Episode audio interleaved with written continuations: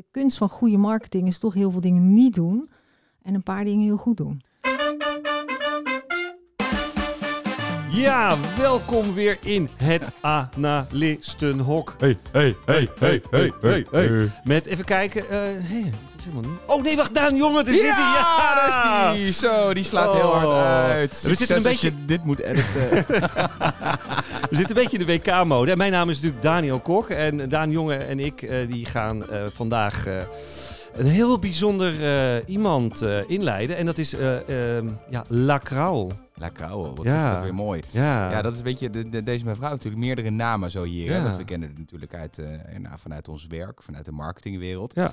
Maar intern wordt er toch ook wel redelijk gedanst met deze mevrouw. Die toch al wel, eh, Mm. toch wel een begrip is, durf ik te zeggen. royalty, En, eh, marketing royalty zou ik er zelfs Ja, willen vind ik mooi gezegd. Ja. Nee, daar ben ik op zich wel, wel mee eens. Dus ik, ik ben heel benieuwd wat voor, een, wat voor een spel wij vandaag gaan zien. Denk jij dat Thijs er een beetje klaar voor is? We zijn in ieder geval verzekerd van een echte strijder. Oh, Vier en Koen.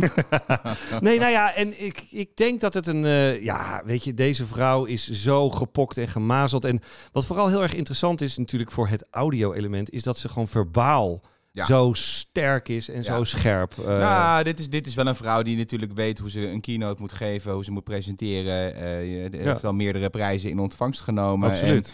En, ehm, ook wel echt iemand, weet je wel, in, in ons wereldje heb je toch ook wel heel veel mensen rondlopen die eh, heel hol praten. Hmm. Eh, veel woorden, weinig inhoud. ja. Maar ik heb toch altijd wel het gevoel, ik heb er nog niet zelf persoonlijk heel vaak gesproken, maar de momenten dat ik er spreek of dat ik er naar luister, dan is het vaak wel de spijker op zijn kop. Dus ik vraag mij af wat Thijs hier uit gaat halen, wat zijn tactiek gaat zijn. Ja, hoe dat hij dit, eh, dit gaat, eh, gaat doen. En eh, zij, ja, je zou kunnen zeggen dat onze eigen Willem Albert Bol hierbij... We zitten immers hier in het analistenhok van het eh, aan altijd prachtige, prachtige hoorn. Het prachtige hoorn. Zij zijn eigenlijk met z'n tweeën, Marielle Krauwel en Willem Albert Bol... de Gijp en de Derksen, zou je kunnen zeggen, van, van de, de marketing reclame. Ja, de Tommy en Annika van de, van de merkenwereld. Ja, absoluut. Dat zijn natuurlijk de twee... Nou, wat ik eigenlijk... Dat is misschien wel leuk om te horen. Dus misschien klap ik hier uit de school. Oh. Maar ik begreep dat er tegenwoordig, want we hebben het hier natuurlijk over eh, campagnepraat. Dat, Ja. is, dat is zeg maar het item eh, van, van Adformatie, waar zij met z'n tweeën altijd nieuwe campagnes Klopt. becommentariëren, zeg je geloof ik. Mooi gezegd. Ja, dankjewel. En ehm, wat ik begreep is dat ze dus tegenwoordig krijgen ze van, eh, van merken campagnes ingefluisterd. Nu van, al. van tevoren. Van tevoren. Van jongens, deze komt eraan. Kunnen Ja. jullie deze misschien bespreken? Ja, en weet je dat ik dat ook geprobeerd heb met onze TomTom-campagne? en dat ik toen En? onwijs mijn falie kreeg, omdat Oh. ze bij de adformatie afspraken gemaakt zijn over het feit dat ze geen eigen werk mogen ehm benu- be- Oh. be- becommentariëren. Wat ik heel sterk vind, want ja. dan is het natuurlijk een beetje preken voor eigen parochie. En eh, nu houden ze dat, eh, nou ja, goed gescheiden zou ik durven zeggen. ja. Ehm, wat verwachten wij? Ik verwacht eerlijk gezegd dat eh, waar Thijs natuurlijk een, een vrij aanvallende stijl vaak heeft, hè, aantrekkelijk voetbal vaak, ehm, is, is denk ik met Marielle Krauwel, denk ik dat je twee eh, teams hebt die gewoon behoorlijk eh, aan elkaar gewaagd zijn. Ik bedoel dat, dat, en ik denk ook dat het ook een, een wat ik al net al zei, een verbaal ding met, met, met leuke slogans, goede woorden. One, zij is de vrouw van de Is one-liners. dat zo, ja? Ja, Oh. zij, is, zij is de vrouw van de one-liners. Oh. Daar ga ik ook echt extra op letten straks. Dan gaan we eens heel goed naar luisteren. Nou, in de verte, als we het over luisteren gesproken hebben, horen wij eh, dat het publiek er al eh onder geëdit is. Nee, Carolien die inderdaad langsloopt, dat is onze allergrootste fan. En wij Ja, zijn ook heel erg fan van Carolien. Ja. Daar gaan we verder niks over vertellen, want Nee. anders wordt ze weggekaapt. Nee. We gaan luisteren naar Ja. de wedstrijd tussen Thijs van Dijk en Marielle Krauwel. We wensen jullie onwijs veel plezier. Ik heb hard getraind deze week, zowel fysiek als mentaal. Om in elk geval weer fris en fruitig aan de aftrap te staan van weer een nieuwe aflevering van Beyond Talks. En deze week hebben we het bekendste verzekeringsmerk van Nederland gast, namelijk Nationale Nederlanden. Het merk bestaat inmiddels al meer dan 175 jaar en al die jaren hebben zij zich aangepast aan de veranderende wensen van de klanten. In 1963, na een fusie tussen de Nederlanden van 1845 en de Nationale Levensverzekeringbank, kwam het merk Nationale Nederlanden tot leven en werd het merk in één klap de grootste verzekeraar van Nederland. In 2017 nam de NN Group het merk Deltaloid over en versterkte daarmee haar leidende positie in de markt. En dit keer heb ik een echte powervrouw te gast. Ik heb het hier namelijk over Marielle Krauwel, Director of Global Branding bij NN Groep. Welkom hier in de studio bij Boven Maxlead. Leuk dat je er bent. Ja, hartstikke leuk om hier te zijn, dankjewel. Hey Marielle, kun je even kort vertellen wat jouw rol Director of Global Branding eh, precies inhoudt? Waar hou je nou op dagelijkse basis een beetje mee bezig? Het klinkt natuurlijk hartstikke geweldig. Hè? Wij zijn bij corporate natuurlijk altijd heel goed in dat soort Prachtige titels. Ja. Waar ik me dagelijks mee bezig hou. Nou, NN Group, zoals je al zei, is eh Nationaal Nederlanden. Ik hou me bezig met alles wat reclame is voor de Nationaal Nederlanden merk in Nederland. Eh, we hebben tien internationale markten, dus ook nog waar we ons eh, op richten. En waar we ook advertising en branding doen. Corporate Identity, ik heb een heel events team, een sponsorteam, ehm, en brand intelligence, media. Nou ja, alles. Wat er maar eh, marketing heet, valt, daar, eh, valt daaronder. En dat doen we vanaf group level over onze markten heen en samen met de businesses. Voldoende uitdagingen als ik je zo eh, ja, eh, aanhoor. ja, ik kan ze niet eens allemaal uit mijn hoofd opnoemen. Nee, het is genoeg. eh, ge- genoeg te doen zo op een dag. Je zal je niet vervelen. En nou ja, we zitten hier natuurlijk in onze prachtige podcaststudio bij Ambiont met onze maan op de achtergrond. En Ja. ja, wij zijn dol op content die land. En jij als ervaren rot in het vak, we hadden het al even over. De, een van de mensen die campagnepraat doet. Dus iedereen is er elke week bang van, oh, wordt mijn campagne behandeld? eh, samen met Het Willem-Albert Bol. Eh, als je nou eh, de beste content die je ooit hebt gezien, dat is een vraag die ik eigenlijk wel aan jou wil stellen. Ik denk dat het een lastige vraag is, maar stel je nou dat je één content voorbeeld of misschien een campagne uit mag lichten waarvan je zegt, nou, die is me echt bijgebleven. Oh, dat is echt wel gelijk. Je begint gelijk met een hele grote, Ja, pittige eh, vraag, in deze We wedstrijd. beginnen meteen gewoon goed. Hoppa, meteen erin zo. Nou, of ik er één specifiek kan noemen. Er zijn twee dingen waar ik, eh, waar ik heel erg van, eh, van hou. Eén daarvan is, eh, dat weet, weet iedereen die mij kent, is kerst. Kerstcommercials, kerstcampagnes. Dan blijf je toch bij John Lewis. Dus dat is toch de eerste die in me opkomt. Man on the Moon, prachtig. Vind ik een van de mooiste commercials die ik ooit heb gezien. Eh, en de andere is Nike, maar dat zijn er vele van. En, en dat is een merk waar ik met een schuin oog eh, nou ja, al heel lang graag naar kijk. En gek genoeg dus ook voor een verzekeraar als, eh, als NN eh, of Nationaal Nederlanden. Mooie voorbeelden. En eh, nou, we gaan het vandaag hier natuurlijk ook vooral hebben over jou, hè, de speler Marielle Krauw in het marketingspeelveld. En ja, ik heb natuurlijk even een soort eh, korte analyse gemaakt hè, van mijn Oh. tegenstander. En wat mij heel erg opvalt, bedoel, je zei het ook al in je introductie, je bent enorm veelzijdig. Hè? Ik bedoel, samen met onze CEO Willem-Albert Bol doe je de campagnepraat, je bent blogger, public speaker, aanwezig in allerlei vakjuries, hè, director of global branding. Ehm, ja, als, ik nou, als je nou een rol moet kiezen hè, die jou echt definieert, welke rol past jij nou eigenlijk best? Ehm, ik denk dat ik eh, graag mensen inspireer. Dus mijn eigen team of mensen in het vak. Eh, ongelooflijk kritisch. Niet voor niks. Juries, campagnepraats, columns, dat soort dingen. Overal een mening over. Eh, en ik ben heel goed in het, ehm, in het brengen van structuur in chaos. Dat vind ik dat een mooi voorbeeld. mij. En dan even daarop inzoomen. Hè. Ik bedoel, Ja. Je begon natuurlijk aan je opdracht eh, bij NN. Hè. En Ik heb veel van je interviews gelezen. Dat was best wel een uitdagende opdracht, denk Ja. ik. Hoe heb je dat dan gedaan? Die structuur in die chaos eh, gebracht? Want ja, je zegt het zelf ook al, heel veel merken. Hoe pak je dat dan aan? Hoe begin je dan? Nou, het begint bij in eerste instantie gewoon even goed rondkijken. En, eh, en, en dan is het een, eh, het is altijd een beetje dat ouderwetse Mikado-spel. Ik weet niet, bestaat dat nog steeds? Zeker. Met al Ja. die stokjes, weet je, die je dan zo uit elkaar moet halen. Maar waar je heel voorzichtig moet zijn dat je die andere niet aanraakt. Of dat er niet iets omvalt waarvan je niet wil dat het omvalt. Eh, het is een beetje dat. Dus het is een beetje dat die, die stokjes op tafel gooien. En dan eens kijken, oké, welke hebben we? Welke kleuren leggen we bij elkaar? Dus als we naar het merkportfolio kijken, welke merken hebben we? En waarom hebben we die eigenlijk? En hoe staan die eigenlijk tegenover elkaar?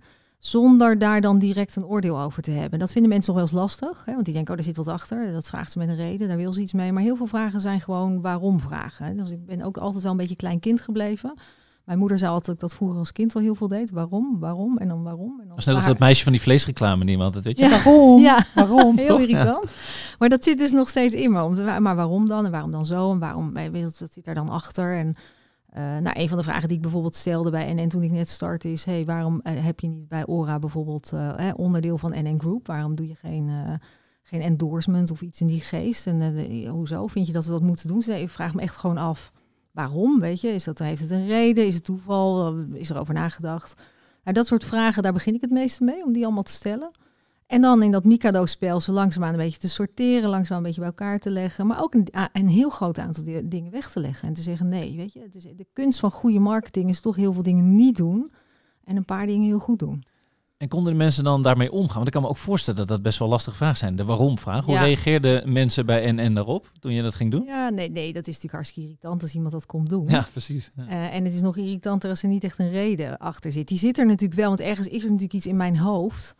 En waarom ik de vraag stel, of waarom waar, iets waar ik naar op zoek ben. Maar niet altijd van tevoren dat ik dat al eh, weet of ergens op wil uitkomen.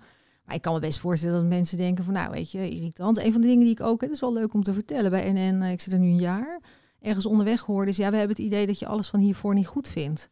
Eh, nou, dat doet best wel wat met mensen. Ik zou, dat is helemaal niet mijn bedoeling, want het is namelijk altijd 1.0, 2.0, 3.0 in mijn wereld. Ik hou van winnen.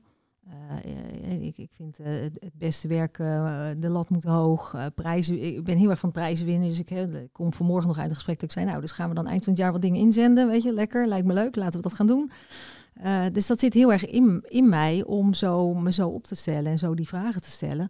Maar dat wil niet zeggen dat alles hiervoor niet goed was. Dat wil alleen zeggen, nou, we hebben een goed fundament gebouwd en wat is nu de volgende stap?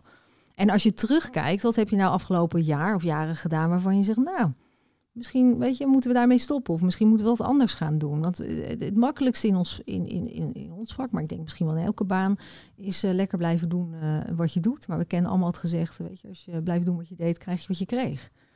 Absoluut, ja. En ik vind het grappig ook altijd dat als je kritisch bent, dat dat mm. vaak gezien wordt als iets negatiefs of zo. Heel. Dat mensen dat zien ja. als zijn van, hè, het is negatief. En nou ja, en ik wil nog even heel teruggaan bij het wat je zei over inspiratie. Hè. Ik wil graag een inspiratie zijn. Ik denk dat dat voor veel mensen ook wel geldt. Ik bedoel, je bent natuurlijk heel zichtbaar, je spreekt je heel erg uit. Maar um, hoe doe je dat dan? Hoe, hoe, inspireer jij op de, op de werkvloer? Moet ik het voor me zien als ik dan uh, bij jou in het team zit? wat gebeurt er dan?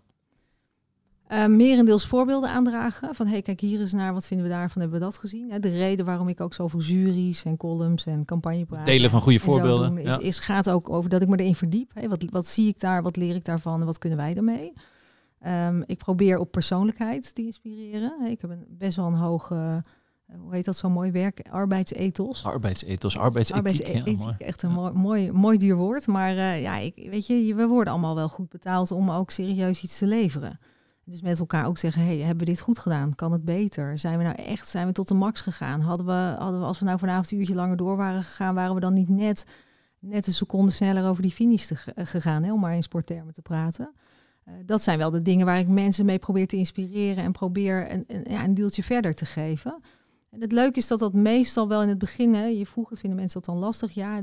Beetje schuurt het waarschijnlijk? Het schuurt. In, weet je, de meeste van de banen die ik heb gedaan, is dat in het begin dan toch wel even een ding. Het leuke is dat ik vaak achteraf van mensen uit mijn teams wel hoor van... Uh, hey, weet je, toen je net kwam, toen dacht ik echt, die is gek. Weet je, wat moeten die is gek en die staat aan de horizon, die is al over de horizon heen. Wij weten niet eens waar we moeten beginnen, zo hard gaat het. Maar later denk ik, hoe hebben we het ooit anders gedaan en wat heb ik onwijs veel geleerd? Of weet je, ook wel mensen uit mijn team, daar ben ik dan trots op, die zeggen, hey, je bent wel mijn beste manager tot, tot nu toe. Hè? Dus al tot nu toe. Altijd leuk om te horen. Geweest. En dat ik denk, oké, dan heeft het iets gedaan en dan heeft het iets gebracht. En zij hebben datzelfde bij mij gedaan. Zij hebben mij ook weer beter uh, gemaakt in, uh, in hetgeen ik doe. En wie heeft jou dit dan geleerd? Wie is dan jouw inspirator of nou, in sporttermen de coach of de mentor? Uh, wie, wie, wie, heeft jou dit aangeleerd, dat arbeidsethos of de, de levenslessen die je nu toepast? Is daar iemand of zijn het meerdere mensen? Oh, dat zijn meerdere mensen, maar wel leuk om te noemen, uh, om eens op terug te, terug te kijken. Mijn carrière ooit begonnen bij Philips. 1996, ja. toch? Als ik het goed heb Hemel, als je dat er ook bij zegt. Ja, het is lang geleden. 97, ja, afgestudeerd. Ja, nee, heel lang geleden. Ja, jeetje. Hartstikke lang geleden. En uh, 96. Goed, daarvan bijgekomen. Uh, wat was je vraag ook weer? Nee, gekheid. Uh, in 96 Philips, uh, toen heette dat nog medische apparatuur, medical systems, heet inmiddels health. En daar had ik een, een baas. Ik was natuurlijk zo'n gup, net daar afgestudeerd en mocht voor hem gaan werken. Vice President Asia Pacific. Zat natuurlijk nou, de tweede laag hoog in de bomen. Hè, met een, en nog één erboven, hoger kon het niet. Um, en ik zat met hem in, in meetings en um, waren kwartaalmeetings, hè, business reviews. En er kwam een Excel-sheet met alleen maar cijfers op het scherm. En, en geen idee natuurlijk waar je moet kijken. En hij uh, vroeg dan aan een landendirecteur, en dan heb je het over baas Japan, baas India, echt ook allemaal van die houten methoden. Toen daar tijd ook allemaal mannen. Um, en dan zei die uh, kolom, ik noem maar wat, K-regel 25, leggen ze uit. En dacht ik, waarom vraagt hij die nou?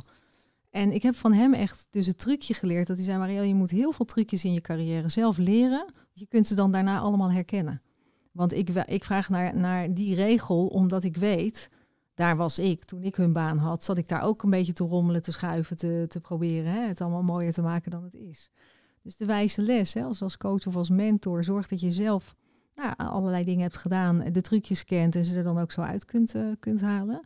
Hij leerde me ook, uh, uh, omdat ik wel een beetje een ja-zegger ben, hè, graag dingen doe, leuk vind, passie, denk, oh tuurlijk doen we er ook nog even bij zei die let op dat je af en toe ook nee zegt. En dat mensen ineens denken, Hè, wat? Nee, Heb je al in 1996 geleerd? Daar was je goed vroeg bij. leerde hij mij heel veel ja zeggen, maar dan af en toe heel onverwachts. Al kan je wel, of al wil je het wel. Toch zeggen nee, komt mij niet uit. Omdat mensen dan weer even denken, oh oké, ik kan dus niet altijd. Hij leerde me, wees geen gopher. Hè, degene die, eh, waar je alles bij terecht, uh, waar je alles bij neer kan leggen. Eh, en die het wel fixt. Dat heette een gopher, leerde ik toen. Dat wist ik ook niet. Dat zijn eigenlijk hele mooie lessen geweest. Eh, daarna het grote reclamevak, uh, ment mentorcoach geleerd van Aline van Keulen bij KPN. Met haar one-liners, maar ook haar meest wijze les. Excellente executie. Het succes zit in excellente executie, niet in de strategie. Geldt nog steeds, hè, die regel Geldt eigenlijk. nog steeds, niet in de strategie, niet in het concept, maar in, in excellente executie. Um, en um, de coach, mentor, nou laat ik het spindokter noemen, toch wel jullie eigen Willem Albert. Want die heeft mij uh, ooit eens gebeld en gezegd, uh, jij werkt altijd voor allerlei uh, leuke bazen die je dan op het podium zet. Je moet het zelf maar eens gaan doen. En nou ja, Daar stond je dan waarvan acte stond ik koffiedik kijken te doen en te winnen. En, en inmiddels schrijven we campagnepraten samen. En ja, met dank aan Willem Albert ook, zeker. Mooi. En ik wil even teruggaan naar die trucjes. Wat voor interessante trucjes heb jij nu geleerd die je dan vaak dan toepast? Zeg je dan ook tegen iemand van een Excel-sheet bij de Business Review van NN Groep K425 alsjeblieft? Of hoe, uh, ja, wat is ja, jouw trucje? Ja, inmiddels wel. Weet je, deze tijd van het jaar zit je in budgetrondes. Dan ga ik nu natuurlijk een beetje het geheim van de, van de kokprijs geven. Dat is misschien ook niet Klein handig. beetje dan, een klein, beetje, van het recept. Ja. Maar uh, ik weet natuurlijk, uh, als ik mijn budgetronde doe en ik vraag aan iedereen hoe sta je ervoor, wat ga je nog doen, ga je over of onder budget. Ja, ik weet natuurlijk als geen ander hoe je, hoe je niet het achterste van je tong laat zien. Dus ik weet natuurlijk precies waar ik naar moet kijken. Het spel een beetje spelen en Ja. slimme, slimme, slimme Spel oplossingen spelen. zoeken. Ja. Dus dat is er één. Leer heel snel, weet je, een wijze tip. Leer gewoon heel snel, leer je omveld kennen. Hè? Dus de, de mensen die om jou heen, en dat zijn vaak niet de mensen met wie je rechtstreeks werkt. Wie is nou diegene, uh, de, de, de, de whisperer, zeg maar. Wie fluistert nou wie wat in? Wie heeft nou waar invloed? Wie zit uh, vaak aan tafel en zegt niet zoveel? Hè? Dus in grote meetings, boardrooms, wat dan ook... is altijd degene die niet zoveel zegt, maar dat is degene eigenlijk met, met best wel veel invloed. Of die handige weg. Soort van de boardroom whisperer. Ja, en die zijn er dus wel. Dus weet je, weet je, weet die mensen te vinden en zorg dat je via, via dat soort wegen aan je informatie komt, dan wel aan uh, datgene wat je voor elkaar wilt, uh, wilt krijgen. Fluister de boardroom wisteraar, hoe Ja. zeg je dat? De boardroom fluisteraar, zorg dat je die influistert. Ja, fluister de, fluister de ander. Fluister de eh, fluisteraar. Ja, mooi, een mooie dat quote. soort dingen. Hey, en uh, ook even helpt. teruggaan op wat je zei, ik wil altijd winnen. Ja. Uh, maar ja, je kunt niet altijd winnen. Door Nee. Maurits Hendrik zei het in een van de eerste afleveringen. Hè, dat vond ik een fantastische uitspraak van hem. Die zei, omarmen van verlies bepaalt het succes. Mm. Uh, hoe ga jij eigenlijk om met verlies? Dat vond ik zo'n prachtige uitspraak. En daar ben ik enorm met hem eens. En ik was me niet bewust dat je dat zo moet benoemen. Dus dat, uh, die neem ik weer mee. Um, maar dat is absoluut waar. Ik sprak uh, twee weken geleden. Uh, wij zijn bij NN hoofdsponsor van het hardlopen, van de marathons en alles wat erbij hoort.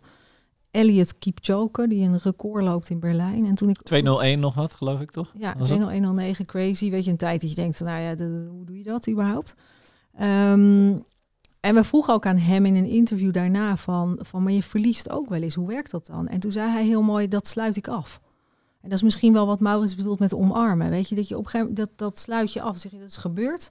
Dat sluit ik af. Daar ga ik ook niet de hele tijd naar terug. Van, hé, hey, wat jammer en jeetje, en toen verloor ik. En eh, verdrietig en alles. Daar ga ik dan mee verder. Dus eigenlijk staat de eerstvolgende dag, staat mijn teller weer op nul. Als ik hem morgen, als ik hem op zondag verlies, of hem op zondag een, eh, een record loop, hè, beide geld, winst en verlies. De dag daarna gaan de tellers op nul en moet ik weer opnieuw beginnen. Moet ik weer gaan bedenken, wat ga ik doen? Hoe ga ik het beter doen? Hoe ga ik het anders doen dan die vorige keer? En dat afsluiten, dat kunnen wij mensen natuurlijk over het algemeen niet zo goed. Hè? Blijven we toch een beetje in Draag hangen. het met ons mee. En zo. verliezen, Ja. jeetje, van, mo- moeilijk en lastig. We kunnen wel heel lang blijven hangen in winst. Hè? Daar kunnen we het nog maanden over hebben. Van, nou, weet Weer een. En weer een award. Ja. Weet je nog, toen, een maanden geleden. Maar ik denk dat wat Maurits zei, dat omarmen ervan, dat, dat is het wel. En eh, ik kan dat vrij goed. Ik kan vrij goed niet heel lang eh, privé, overigens anders dan werk, vind ik ook altijd opvallend. Maar ik kan in werk dus heel goed niet heel lang in dingen blijven hangen. Denk oké, nou, dat is misgegaan, klaar, opgelost. Wat leren we ervan? Wat leren we ervan? Vooral, wat gaan we ervan leren? Wat gaan we ermee doen? Volgende keer beter. Ja, Maurits die zei toen ook van, het deed me echt fysiek pijn hè, over die losersvlucht toen de Ja. tijd. Hè. En is er iets waarvan jij dan toch een voorbeeld hebt van die zegt, jeetje, dat is toch een beetje mijn, mijn allergrootste misser voor mijn gevoel, waar je wel echt een wijze les uit hebt getrokken en gezegd van, dit nooit meer, om even de, de losersvlucht als voorbeeld te nemen. Want dat zei hij echt van, ja, dit, dit gaat nooit meer zo gebeuren. Is dat in jouw carrière geweest? Eh, eh, eh, nou, ik zou dan bijna zeggen nee, wat natuurlijk gek is. Want er zijn natuurlijk genoeg missers in je leven. Maar grote missers, nee, er is niet één die gelijk opkomt dat ik denk van, oh, laten we daar nou nog eens eh, naar terug gaan. Nee, dat is, eh, dat is een goed teken. Ehm, ik denk ook anders dan het, dan, het, dan het gesprek met Maurits. Weet je, het is geen ma- marketing, het is niet hetzelfde als topsport. Dus als er iets misgaat... Mogen we niet meer zeggen hier hè, in de podcast. Dat is jammer. Marketing is topsport, mag niet nee, nee, Topsport is nee, topsport. Topsport is topsport. Marketing is, ja, als we het goed doen met z'n allen, doen we topmarketing. Maar uiteindelijk ook weer dat relativeren misschien. Ja, als het misgaat, weet je, dit, eh, hoe erg is het?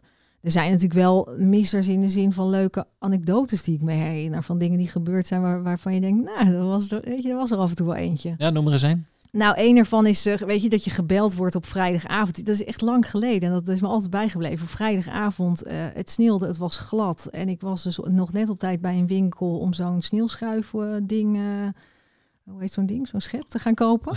Sneeuwschuiver. Dus kan je nagaan, lang geleden, maar dat weet je dan nog, hè, om de stoep een beetje eh, ijsvrij te maken. En daar werd ik gebeld en nog een keer gebeld. En toen dacht ik, nou ja, als iemand op vrijdagavond blijft bellen, is er wat. En toen was het eh, een maandag, eh, en toen nog landelijke dagbladen. Vergeten eh, een advertentie te maken. Voor als je een rondje landelijke dagbladen kocht, best een bedrag natuurlijk. Ik, nou ja, eh, leven, zorg dat hij alsnog even aangeleverd wordt op de een of andere manier. Eh, oh nee, nee, nee, ik bedoel, hij is gewoon niet gemaakt. Ik bedoel, Oh. niet gemaakt. En hij is ook niet bedacht. Hij is niet ontworpen. Hij is Er er, gewoon er is niet. niks. En dat je dan denkt, oké, dat is best een boel geld hè, op maandag. En dan is het ook een kwestie van, ja, weet je, dan met z'n allen in het weekend bij elkaar komen, iets snel bedenken en het alsnog doen. En vaak komt daar dan ook nog eens het beste werk uit. En zijn dat, ja, als je dat missers, ja, dat zijn natuurlijk missers, want het gaat om veel geld als je het niet had opgelost. En tegelijkertijd zijn het ook een beetje de anekdotes dat je denkt, ja, die hebben we meegemaakt. Presteren onder druk, hè? Onder- ja, en dan komt er toch wel weer iets heel goeds uit. Of weet je, een campagne bij KPN dat op de dag dat de campagne live gaat, hè, sluit een mobiel abonnement bij KPN af. Eh, in de tijd dat je nog niet zo in de bundels zat, hè, dat betalen per minuut, per seconde. Nou, Nederland vond er wat van. En dat op diezelfde dag in, eh, in, eh, in de landelijke eh, nieuwsmedia staat dat KPN zijn tarieven heel negatief hè, ging, ging veranderen. Ja, hoezo hebben wij nou niet ergens tegen elkaar gezegd: hey, er komt nieuws aan en er gaat een campagne live. Misschien moeten we het daar even dan over hebben. Want het is natuurlijk het, het meest onhandige moment om te zeggen: word klant bij ons, als we net vertellen, maar we maken alles duurder. Nou, dat zijn van die dingen waar je dan ook wel weer van leert. Hoe gaan we dat nou voortaan anders doen of, eh, of voorkomen? Communicatie blijft altijd lastig. Zelfs in ons vak. nee, zelfs voor Ja. communicatiemensen. Om elkaar te vinden, om de lijntjes te leggen, om verder te kijken, breder te kijken dan. Hè. Eh, eh, wat, wat misschien ook alweer toch het linkje naar de sport is. kan je het veld overzien of ben je alleen maar bezig met je eigen plek en je eigen, eigen taak in dat team? Hè, scoren en de rest, ja, dat, dat is dan maar zo. Of kijk je rond en zeg je, hebben wij nou met z'n allen dit, eh, dit goed voor elkaar en, eh, en te pakken? Ja, jij zegt ook vaak, winnen doe je samen. Dat Ja. moet je heel vaak zeggen. Ja. Hè? Bedoel, volgens mij is jullie laatste campagne zit ook het woord samen in, ja, geloof ik. ja. Met de partners waar je mee werkt. Ja. Eh, Voordat we zo naar de rust gaan, wil ik alleen die vraag nog even duiden. Van, hoe werkt dat dan in de praktijk? Want ja, je zegt het al, hè? heel veel stakeholder management, heel veel... Hoe doe je dat dan? Samen winnen? Ja, Samen jij werken, zegt samen sa- winnen? samen winnen, samen werken. Bedoel je, dat wil je Nou. graag doen. Hoe, hoe breng je al die verschillende krachten of al die spelers bij elkaar met hun specialisme, met het optimale resultaat, zodat je wint? Wat, hoe, doe je dat? Ehm, nou, ik heb eh, de, gekke gewoonte, helaas, hè, sinds 1996, nee, eh, nog steeds de gekke gewoonte, dat, en dat vind ik jammer in het vak, dat we dat nog niet met z'n allen doen, eh, is echt met z'n allen aan tafel. Het begint gewoon met een mediabureau en een creatief bureau en een adverteerder en alles wat daar eventueel aan andere partijen bij hoort. Samen, samen van begin tot eind het bouwen. Dat wil niet zeggen dat je altijd letterlijk, weet je, elke minuut, elke uur samen overal hoeft te zitten. Maar je begint wel zo. En ik begin heel graag bij het mediabureau. En dat is eh, waarom ik zeg eh, helaas, dat is blijkbaar nog steeds wel uitzonderlijk. Maar als je werkt bij adverteerders die, die niet een eindeloos budget hebben, of geen supermarkt zijn en elke dag in beeld eh, en, en eh, eh, dat soort dingen, dan moet je heel slim zijn. En dan zit het hem niet in creativiteit in eerste instantie, dan zit het hem in wat zijn je doelstellingen en hoe behaal je die.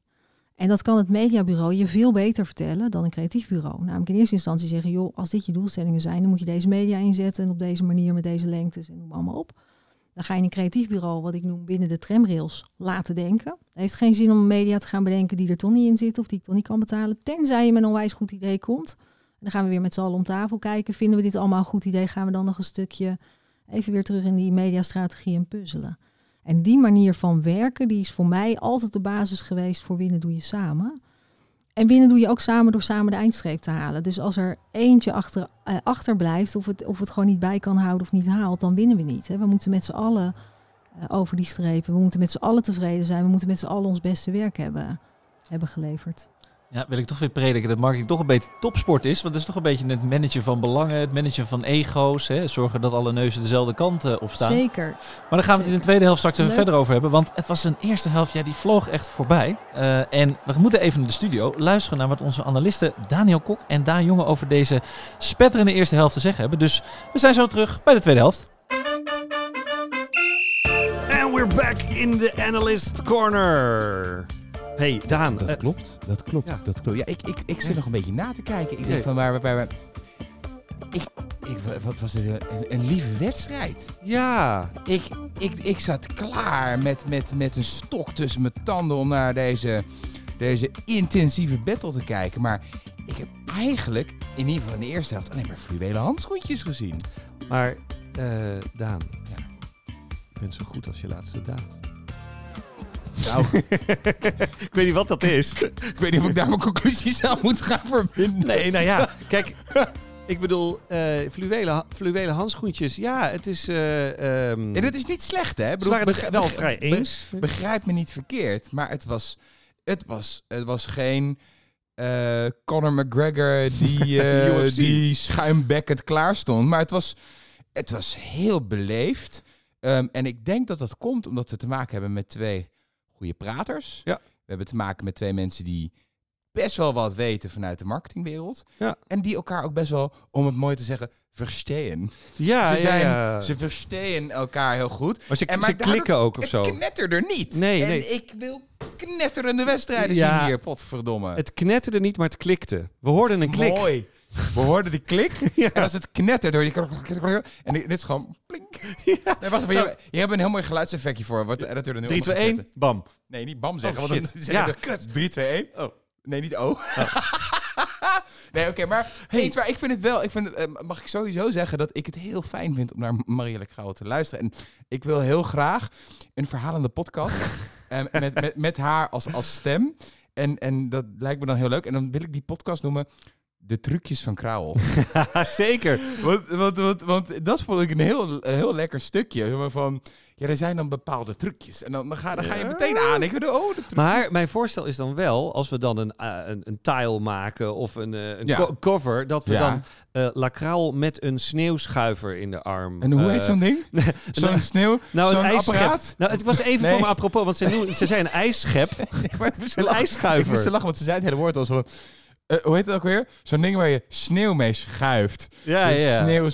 Ja, precies. Of, maar je zit op een sneeuwschuiver, Ja. toch? Dat zijn van die grote, Ja. grote vracht. nou, Ja, Maar- weet, je, weet, je, weet je wat ik wel ook heel, ehm, heel, heel grappig vind? Want, want dit, dit is dus wat er gebeurt als je twee mensen tegenover elkaar neerzet die gewoon eh, gewend zijn om goed en in metaforen te praten. Want het was eigenlijk meta for you, meta for me. ja. Eh, zo slecht eh, was dit. Oeh, ik weet niet of Maar- ik het haalt. Maar ik heb een andere theorie. Ik heb een andere theorie. ik, ik heb namelijk even eh, wat, wat aantekeningen gemaakt. En ik heb opgeschreven eh, kritisch, Ja. structuur, Ja. meningen, waarom vraag. Ehm, misschien is het wel zo dat eh, het aard van het beestje dat het dan eh, gaat overanalyzen. Ja. Dus dat ze, eh, hè, ik wil Thijs die, die, die, stelt zijn vragen, maar dat zij dan eigenlijk bij wijze van spreken in een Mhm. soort, soort frame terechtkomt. Dus dat het een, een, een soort gestructureerde manier is Mhm. van. En ze heeft ze natuurlijk heel vaak geïnterviewd ook. Het is ook routine is ook een woord wat, wat in me opkwam. Ja, en ik vind het, ze, bedoel, ze zegt ook gewoon echt heel veel rake dingen. Weet Ja, je ja, dat, dat is, dat is eh, op een gegeven moment, als alles, alles wat je zegt raak is, Ja. dan valt het bijna niet meer op. Dus dat is heel grappig. Weet je, want wat ik wel heel mooi vond, is ze zei van de kunst van marketing is dingen niet doen en wat je doet wel goed te doen. Ja. En dat is heel knap, want, want, want eh, dat was knap, dat is wel belangrijk ook. Want je kan alles doen. Weet je, want dat is waar wij ook bijvoorbeeld als, we, eh, als wij klanten adviseren in, eh, in content maken, dan gaan we ze juist helpen om daar kaders bij te geven en Ja. richting te geven en, en, en gedachten van welke content je nou wel moet maken. Ja, ja, en en ja. eh, dus, dus dat, daar ben ik, eh, was ik, eh nou, Goeie, vond ik goeie nice. uitspraak je dat, die, eruit gevuld. Ik had nog een, een andere, want de boardroom trucjes. I love it. Ik hou ja, zo de trucjes van Krauwel. Ja. Geef mij die podcast. De, tru- de tricks. Nou, en ik moest een beetje denken, want hè, dat ging dan over zo'n spreadsheet waar dan iemand heel random ineens in zo'n meeting dit, dit gooit. En jij bent ook bekend natuurlijk met de muziekindustrie. Dit is de rider. Dit is de blauwe M&M's. Dus dat, dit is de reden waarom mensen in eh, Of eh, Lady Gaga, die zetten in een rider blauwe M&M's. Om, als die er niet staat, hebben ze de rider niet goed gelezen. Ja. Ja, Dus dit is een soort check. Ja. I love it. Ja, en waar, waar, waar, ik gewoon echt een heel warm gevoel van kreeg, is het- de, de anekdote van kut. We hebben een rondje dagbladen, maar er is gewoon nog geen advertentie gemaakt. We roepen iedereen bij elkaar op een winterse dag. En we gaan met z'n allen gaan we brainstormen. En ik mis dat. Ik wil Ja. dat. Ik wil op een, op een hele donkere zaterdagmiddag. Als Onder de vijf uur, vijf uur 's middags en het is pikdonker. En je roept iedereen bij elkaar. Er komt een, een lekkere mok chocomel en we gaan lekker Schootje rum denken. toch? Ja, weet je Black, Black Friday, maar dan... Ja, eh, precies. Eh, maar dan de Christmas edition. Ik weet, ik Ja. krijg er een warm Ja, marketing, advertising-achtig wereldgevoel van. het, het is een soort nostalgie sneeuw marketing brainstorm-achtig gevoel. Hele mooie duiding. Deze mag op een tegeltje. En terwijl, terwijl die op een tegeltje wordt gezet aan mijn rechterkant, Eh, hoor ik aan mijn linkerkant alweer de spelers het veld opkomen.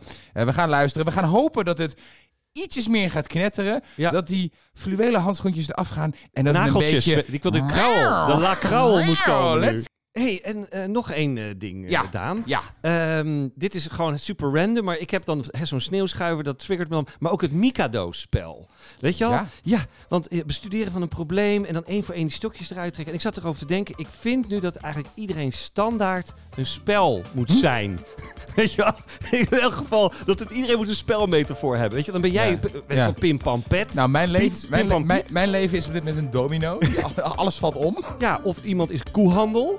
Kan ook. Of, Mm. of ben je dan een, st- een scrabbelaar? Ik ben echt zo'n scrabbelaar. Ja, ja. Ja. En, ehm, ik zeg, is het te kijken, kijk, ja, of ze, ben je, ben je kolonisten van Catan? Ja. Of, nou, ik ben meer risk, denk ik. Ah, oh, Ja. oh. Oh. Mm. Mm, risky to me, baby. is zo risky, I'm so jongens. risk. Ja, de tweede helft gaat van start en dan gaan we in die wedstrijd kijken hoe diep de sporter gaat. Want dat gebeurt hier bij Beyond Talks natuurlijk ook. Ja, we zoomen in op de tactiek, de finesses, de speciale krachten van de gast aan tafel. Welke strategie hanteert hij of zij om het verschil te maken met de tegenstanders en de concurrentie natuurlijk te slim af te zijn. Maar ja, we hebben natuurlijk weer wat gevleugelde uitspraken van onze analisten uit de studio gehoord. Ja, en Marielle, ze zijn erg benieuwd naar deze vraag. Eh, we hadden het over trucjes. Een aanval houdt van, eh, van trucjes doen. En jij zei, nou, ik heb ook geleerd dat ik eh, nee moet zeggen. Ik ben heel erg benieuwd of er een trucje is geweest, of een moment is geweest dat je een keer een nee hebt gezegd die een ja had moeten zijn, of ja hebt gezegd die een nee had moeten zijn, waarvan je achteraf denkt, had ik dat maar even anders gedaan? Heb je daar een voorbeeld van? Ja, zeker. Ja, ja, dat is een goede vraag. Ehm, hè, want dan moet je natuurlijk je eigen trucje ook toelichten. Of het geleerde trucje. En waar zeg je nee, waar zeg je ja tegen? Ik heb eh, ergens in mijn eh, carrière een, eh, een jaar interim eh, hoi hoi gedaan. Eh, voor, ik weet niet wie, wie dat nog kent, maar het was de campagne met de Hoi lui- hoi.nl, Ja. hoi hoi. Hoi Is hoi, dat die? ja. met de luiaard, die nam ik eh, over. Die was er al. En eh, nou, om daarbij Die won ook een prijs, toch? Alleen het was ja, niet de positieve nee, prijs. nee, dat was de, de lode. De lode leeuw, De lode leeuw, sorry, ja. Die ik eh, in ontvangst moest nemen. En toen was ik ook nog op vakantie op Curaçao, kan ik me herinneren. Dus heb ik daar vandaan gedaan bij, eh, eh, hoe heet dat programma waar, waar dat altijd in zit? Met Antoinette, eh, nou, Antoinette Hefkes is een Ja, radar of zo? Radar, een- zoiets. Ja, zoiets, dus het allemaal braaf gedaan. Want eh, eh, het was natuurlijk niet mijn, eh, mijn ding. Maar weet je, dat hoort ook bij, eh, bij de baan. Ehm, dat is, nou, nou, nu dat ik hem zo vertel, misschien één waar ik ook nee, nee tegen had moeten zeggen. Maar zei nee, dat hoort bij mijn baan. Dus dan ga ik dat natuurlijk doen. Ook al is het niet, eh, niet van mij. Ehm, maar daarin, in dat jaar, gebeurden er dingen waarvan ik eigenlijk achteraf eerder had moeten zeggen: hey, dit past niet bij mij, dit ben ik niet. Dit is ook niet waar ik dan helemaal achter sta. Hier moet ik uitstappen. En dat heb ik toen niet gedaan. Dat heeft te maken met dat, nou, waar we het eerder over hebben, dat winnen. Dat ik denk dat alles maakbaar is in het leven. Dus ik denk dat krijg ik wel goed, dat krijg ik wel gedaan, dat krijg ik wel eh, gefixt. En, en dat was de eerste keer in mijn carrière dat ik ergens in zat dat ik dacht: hé, hey, achteraf gezien. Daar had ik eerder al, hè, dan wat langer door laten ook moeten zeggen, joh, deze opdracht is, is gewoon niet voor mij, want ik kan hier niet brengen waar ik goed in ben. En wat ik dan later beter heb kunnen, kunnen doen.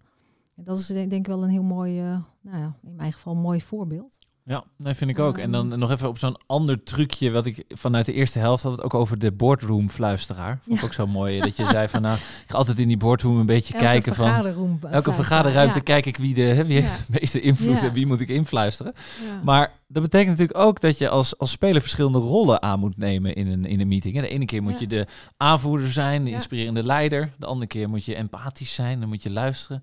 De andere keer moet je weer support en voorzetten geven. Hoe doe je dat? Hoe ga je daarmee om? Want dat is natuurlijk iets wat iedereen wil. Dat je zo van, nou, het is elke keer het juiste moment om de juiste rol aan te nemen. Eh, Hoe doe je dat? Hoe pak je die finesses aan? Ehm, geleerd van, eh, van ooit weer een, eh, een, een, een eerdere... Ik zeg altijd bazen. Mensen zeggen altijd, je mag geen baas zeggen, maar ik doe dat toch. Leidinggevende klinkt zo... Manager, leidinggevende. Ja. Ehm, maar wel, ja, eh, hij zei mij toen, en toen was ik nog relatief jong. Ik ben ook heel jong gaan leiding geven.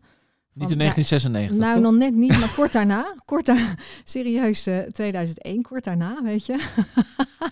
en eh, eh, eh, hij zei toen van, daar moet je grijze haren voor hebben. Dat vond ik zo'n suffe antwoord. Toen dacht ik, ja, Ik heb er nu een paar, dus dat is mooi. ja, weet je, nou, ik, je ziet het met dat blonde niet, maar ik, ik natuurlijk ook. Maar ehm, eh, eh, toen dacht ik, ja, dat is een suf antwoord. En toch was dat zo. Sommige dingen leer je door meters maken. Je kunt gewoon niet alles als je jong bent.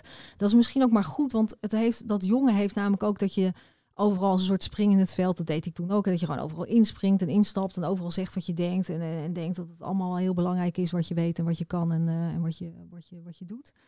Dus het is wel een beetje grijze haren. Leren, ehm, eh, veel, in veel in dat soort situaties terechtkomen. Zorgen dat je ook zelf veel in dat soort situaties terechtkomt. Dus zorg, zorg dat je jezelf aan tafel zet. Dat je dat spel ook leert. Dat je toeschouwer bent. Dat je doorgaat hebben. Hoe doe je dat? Vraag het aan mensen die je dat ziet doen of die je bewondert. Hè. Vaak is hetgeen wat je het meest irriteert. Is ook waar je eigenlijk een beetje jalo- jaloers op bent. Dus vraag dan eens aan diegene, joh, ik vind dat onwijs irritant dat jij zo, ik noem het maar, politiek handig of zo bent. Maar hoe doe jij dat?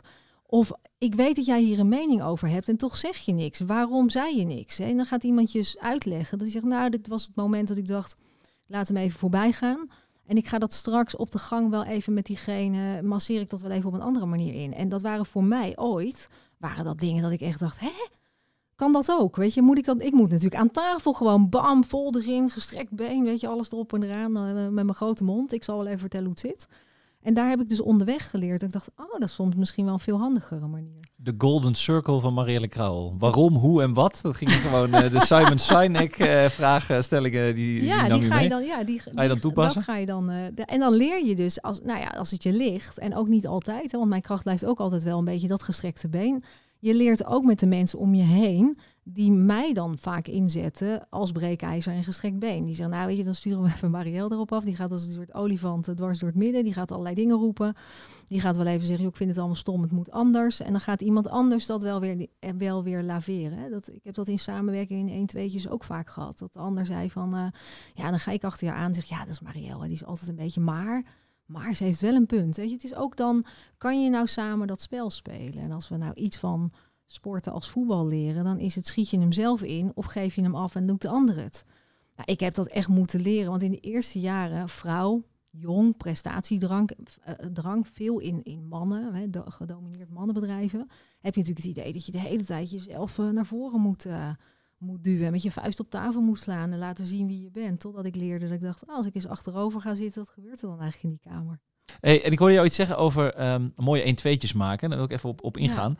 Want ja, ik maak natuurlijk heel vaak mooie 1-2'tjes met mijn compagnon Daniel. Wij zijn een soort duo op het middenveld. Hè. Zeker. Ehm, maar heb jij ook zo iemand waar je mee 1-2'tjes maakt? Of een duo mee bent in, je, in, het, ja, in het vak? Ik bedoel, heb je Willem Albert al genoemd. Maar ook eh, op de werkvloer. Die zegt, hey, dat is iemand die is complementair aan mij. Die doet dat laveren. Die zorgt ervoor dat als ik een overtreding maak, dat, nou ja, dat het weer goed komt.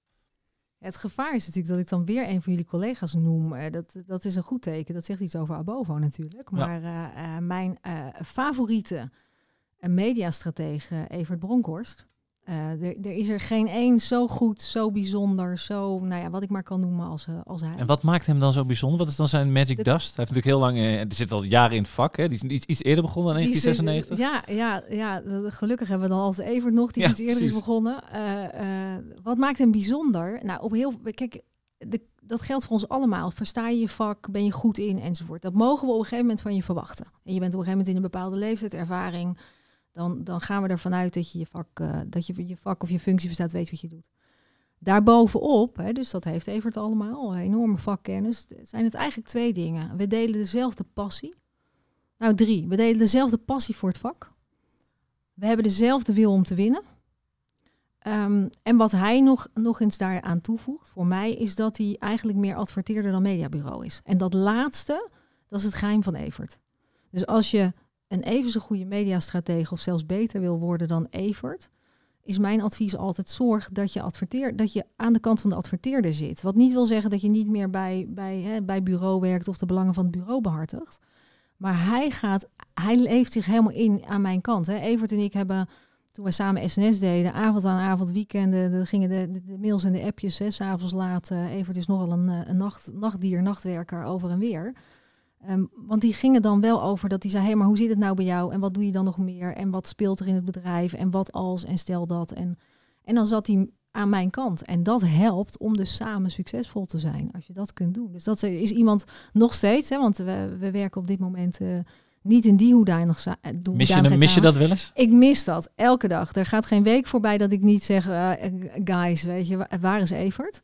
Eh, dus dat is zeker zo. Die zit hier. En die zit hier, maar ook, we hebben ook nog steeds, weet je, dat, dat contact ook. En we wisselen nog steeds dingen uit. En eh, eh, we eh, op die manier nog steeds over, nou, voor de dingen die er gebeuren of spelen. Of we kijken ergens naar. Dus eh, ja, dat is er dan zeker iemand om daarin te noemen. Een mooie connectie in het eh, marketing speelveld. En Ja, ik wil daar even, heel even inzoomen op één van jouw gevleugelde uitspraken. Ik kan volgens mij een hele podcast maken over de gevleugelde uitspraken die ik van jou gezien heb. Maar was volgens Ja. mij een interview in de marketingtribune. Daar Ja. zei je iets over een veelgehoorde discussie in ons vak. Hè? Het gaat dan over gut feeling of over data. oh ja.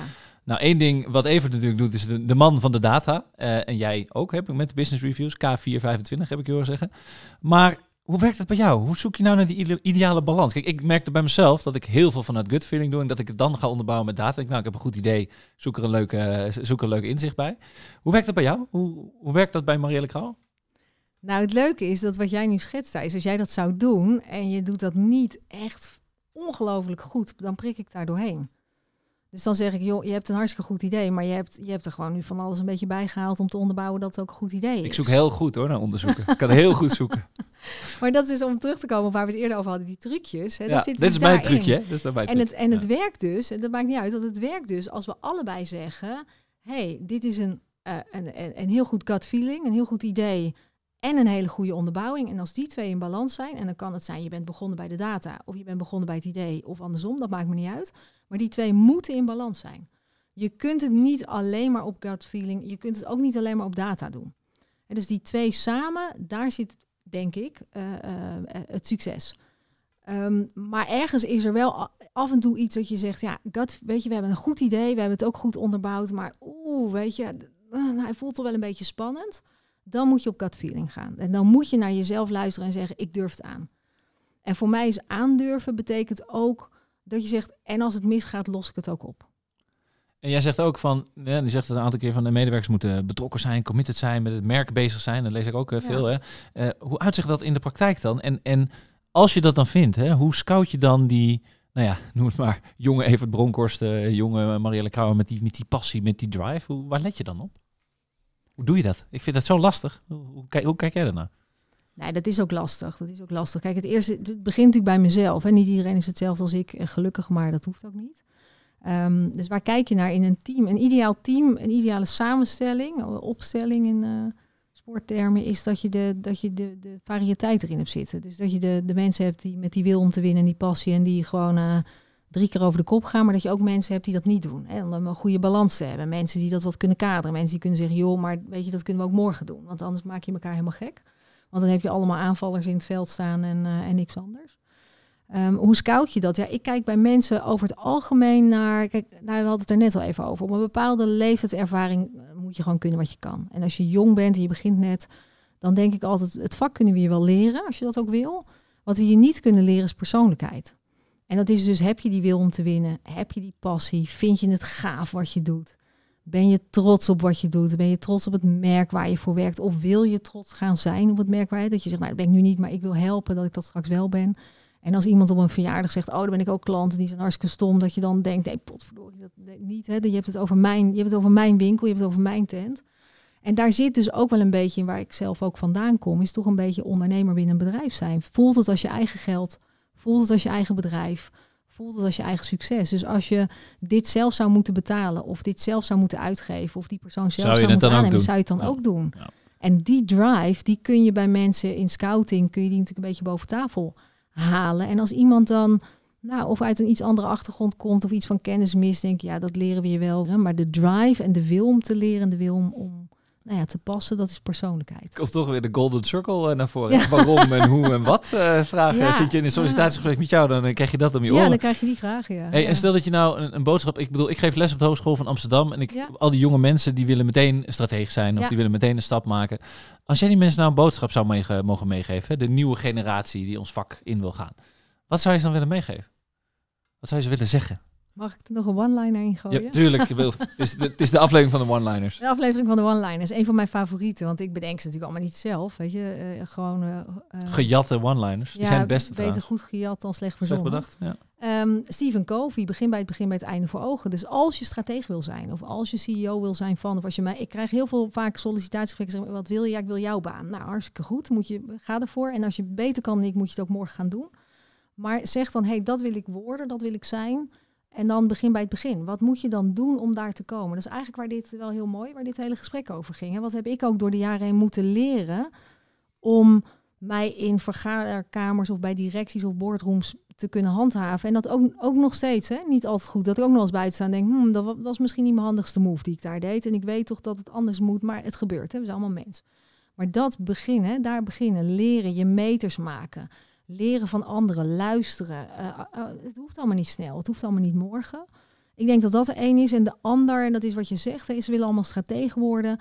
Er hangt iets aan, andere functies die dan te min zijn. En dan kom ik dan ook wel weer met, hè, wat, we- waar we het ook eerder over hebben, die excellente executie. Niks is succesvol als er niet ook mensen zijn die dat heel erg goed maken, heel goed produceren. eh, Zorgen dat de puntjes op de i staan, dat het geleverd wordt. En alleen samen, winnen doe je samen, eh, eh, kom je daar. Dus eh, weet je, kijk ook naar ehm, eh, dat alles in de, in de keten even belangrijk en even goed en even mooi is. En kijk vooral naar waar ben je nou zelf heel goed in. En nog belangrijker, waar word je nou zelf echt heel gelukkig van? En als je niet gelukkig wordt van strateeg, maar het staat zo goed op je cv, word dan vooral geen strateeg en ga iets doen waar je ontzettend gelukkig van wordt. En natuurlijk, begin met meters maken. Hè? Voordat je met meters, meters maken. Want ik bedoel, wij, ik bedoel een Evert die is inmiddels ook eh, de 60 ge- gepasseerd. Dus die heeft genoeg meters gemaakt. Dus Ja. neem hem als voorbeeld. Ja, en dus ook in hardlopen. Ja, ook in hardlopen. Dus nou, dan kun jij hem weer als voorbeeld nemen. Eh, en voor de jonge luisteraars, het boek eh, De Zeven Eigenschappen van Leiderschap van Stephen Ja. Covey. eh, lees hem vooral, want er zitten nog meer wijze lessen in dan maar. begin met het eind voor ogen. Hè? Denk win-win en Ja. wees proactief en Alleen dat soort maar. zaken. Nog het meest actuele boek wat al heel lang ook bestaat, maar even, misschien wel het meest actuele. Een van de boeken die iedereen zou moeten lezen in ons vak, toch? Absoluut. Naast de, de, de Sinek. De Golden Circle De van Marielle. Krauwel. Eh, nou, voordat we Ja. de wedstrijd gaan afsluiten en gaan nabeschouwen, heb ik nog één vraag. Eh, want ja, je hebt natuurlijk bij prachtige clubs gespeeld. Dus ze kwamen allemaal voorbij. Eh, Philips, Randstad, de PwC heb ik nog niet eens genoemd, de KPN. En nou, ga maar zo maar door. ja, en natuurlijk nu NN. ja. Wat is nou nog jouw droom of ambitie? Wat wil je nog realiseren? Je hebt een bucketlist, maar heb je nog ook een, een, een zakelijke bucketlist of een droom waarvan je aan de afloop zegt, als dat gerealiseerd is, ben ik ultiem gelukkig, heb ik mijn doel bereikt. Heb je die? Of stel je die ook een keer bij, dat kan natuurlijk ook. Maar ik ben gewoon heel benieuwd of er een soort endgame is. Een endgame. Ehm, aan de ene, ja, nou, nou, dingen. Oh, tot nu toe is alles een beetje op mijn pad gekomen. Niet, natuurlijk niet eh, als een soort, soort toeval, hè, maar eh, hard aangewerkt. Maar het komt dan voorbij. Denk ik, oh ja, dat is ook wel weer leuk. Ehm, ik zou heel graag dit werk wat ik doe nog wel eens bij in een hele andere sector doen. Hè. Ik heb natuurlijk wel door wat ik heb gedaan het, eh het stickertje dienstverlener eh, op En welke voorhoofd. dan? Is het, dus moet ik dan denken aan een Nike en Netflix categorie? Of bedoel, doen we nou, een oproep ja. hè, voor de luisteraars? Ja, nou, heb je nog een plekje vrij voor Marielle? Je Dan mag, je mag me altijd bellen voor. Bellen met Marielle. bellen ook een leuke, oh, ook een oh, leuke hele-. Dat wordt een goeie. Dat wordt een goeie. Dat wordt een oh, te gek. Leuk? Gewoon een paar gratis, gratis ah, business ah, ideetjes Gaan we het zo even over hebben. Dus de, de- ja, nou ja, Nike te gek. Eh, iets als Bijenkorf lijkt me te gek. Een groot museum lijkt me te gek. Weet je, ik kan er echt wel een paar noemen. Om allerlei verschillende redenen waarom dat zou zijn. Albert Heijn lijkt me, lijkt me waanzinnig. Albert Heijn of Jumbo, of, hè, maar, maar die sector. Echt iets heel anders dan... eh, het is toch vaak zo, en dat vind ik nog steeds wel jammer... als je eenmaal in een sector zit, dat je daar dan ook moeilijk uit Word je een soort specialist van de sector? ja, specialist van zeker fashion houses, weet je, modemerken. Ik- nou, er zijn er best wel veel. Eh, ik, ik hou heel erg van New York, dus ik heb altijd gezegd als een baan in New York is, dan, eh, dan doe ik dat. Maar dat is geen zorgen voor de voor de NN. Victoria's Secret misschien ook leuk Nou, lijkt me ook super. Lijkt me ook super. Ehm, maar op dit moment ben ik ook hartstikke happy en hele leuke dingen weer aan, aan, aan doen bij de NN. En eh, nou ja, weet je, op enig moment soms is het, is het klaar of staat het of kan iemand anders het gaan doen en dan komt er weer iets op mijn pad. Maar iets daarbuiten zou het zijn. Het andere is wat ik heel graag wil, is een boek schrijven. Met eh, misschien wel al die one-liners en die... eh, de titel is er al, maar eh, het- boek moet nog even geschreven worden. De titel van je boek heb je al. Hebben wij nu gewoon in Beyond Talks een scoop? K- Vertel, wat, wat is de titel? Welk boek moeten we binnenkort op bol.com of waar dan ook gaan, gaan kopen? Nou, binnenkort zou ik niet zeggen, Thijs. Duurt Ik moet, het nog, ik moet het nog schrijven. Maar de titel of de werktitel, dat is eh, eh, tien eigen wijsheden. En of het er dan tien zijn of meer, maar dat mijn, eh, mijn eigen wijsheden. Dus in, in lijn met wat je eerder zei, de one-liners. Als je die nou eens gaat uitwerken en daar eens opschrijft, hoe doe je dat dan? Want het is namelijk heel makkelijk om te zeggen, begin bij het begin met het einde voor ogen. Maar hoe doe je dat dan? Hoe, prik je door, hoe schrijf je een goede briefing? Hoe prik je door een, een trucje of een concept heen? En, en nou ja, er is mij vaker gevraagd, kan je, zou je dat niet eens moeten opschrijven? En dat heet dan de tien eigen wijsheden van Marielle. Dus we hebben vandaag eh, de zeven eigenschappen van leiderschap van Stephen Covey. Dan hebben we nog de acht eigenschappen van Stephen Covey. Moet je ook nog even lezen, dus voor de innerlijke Ja. stem. Ja. En dan hebben we de tien eigen wijsheden van eh Marielle Krauwel. Nou, ik, eh, Ik zou zeggen, als, die, als uit is, laat het ons vooral weten. Ja, dames en heren, de wedstrijd zit er helaas op. Het was echt een prachtige wedstrijd. Heel erg bedankt voor je komst naar de studio. Ik vond het heel leuk dat je er was. Ehm, veel succes. Dankjewel. En nu gaan we snel door naar Daniel Kok en Daan Jonge in de studio voor de nabeschouwing. Mijn naam is Thijs van Dijk en tot de volgende keer.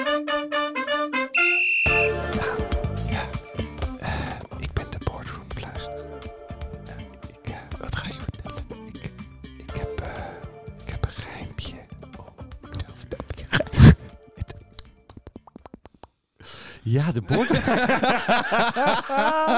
Trucjes. Oh, Ja. dat was een van de trucjes. Ja, Ik- precies. de boardroomfluisteraar is er wel eentje die Maar- blijft hangen hoor. Maar het komt ook een beetje door. eh, het was eigenlijk de Battle of the Voice. Ik ben op een gegeven moment op de inhoud, moet ik eerlijk zeggen, waren momenten dat ik gewoon eigenlijk even ehm, eh, een beetje af, afgehaakt ben. Maar ik heb wel.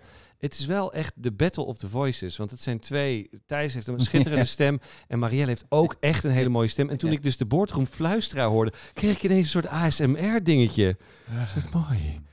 Nou ja, de boardroom trucjes.